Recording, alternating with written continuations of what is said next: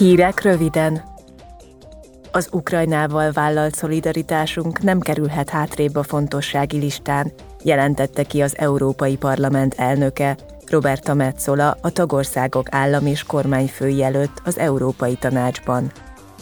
Az elnök üdvözölte a júniusban bejelentett 11. szankciós csomagot, valamint az Ukrajna helyreállítását és újjáépítését segítő újabb 50 milliárd eurós támogatást.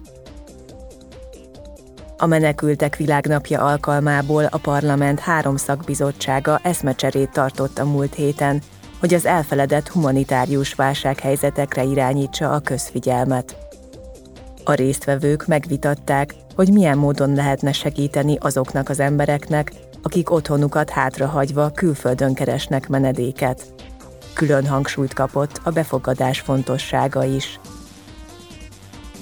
A Költségvetési Bizottság a múlt héten jóvá hagyta, hogy Belgium 2,2 millió eurót kapjon az Európai Globalizációs Alkalmazkodási Alapból. A források annak a 603 munkavállalónak a helyzetét segítenek rendezni, akiket nem régiben a vallóniai Logistics Nivel cég bezárása miatt bocsátottak el. Az alap azokat segíti, akik a globalizáció, illetve technológiai vagy környezeti változások miatt veszítették el állásukat.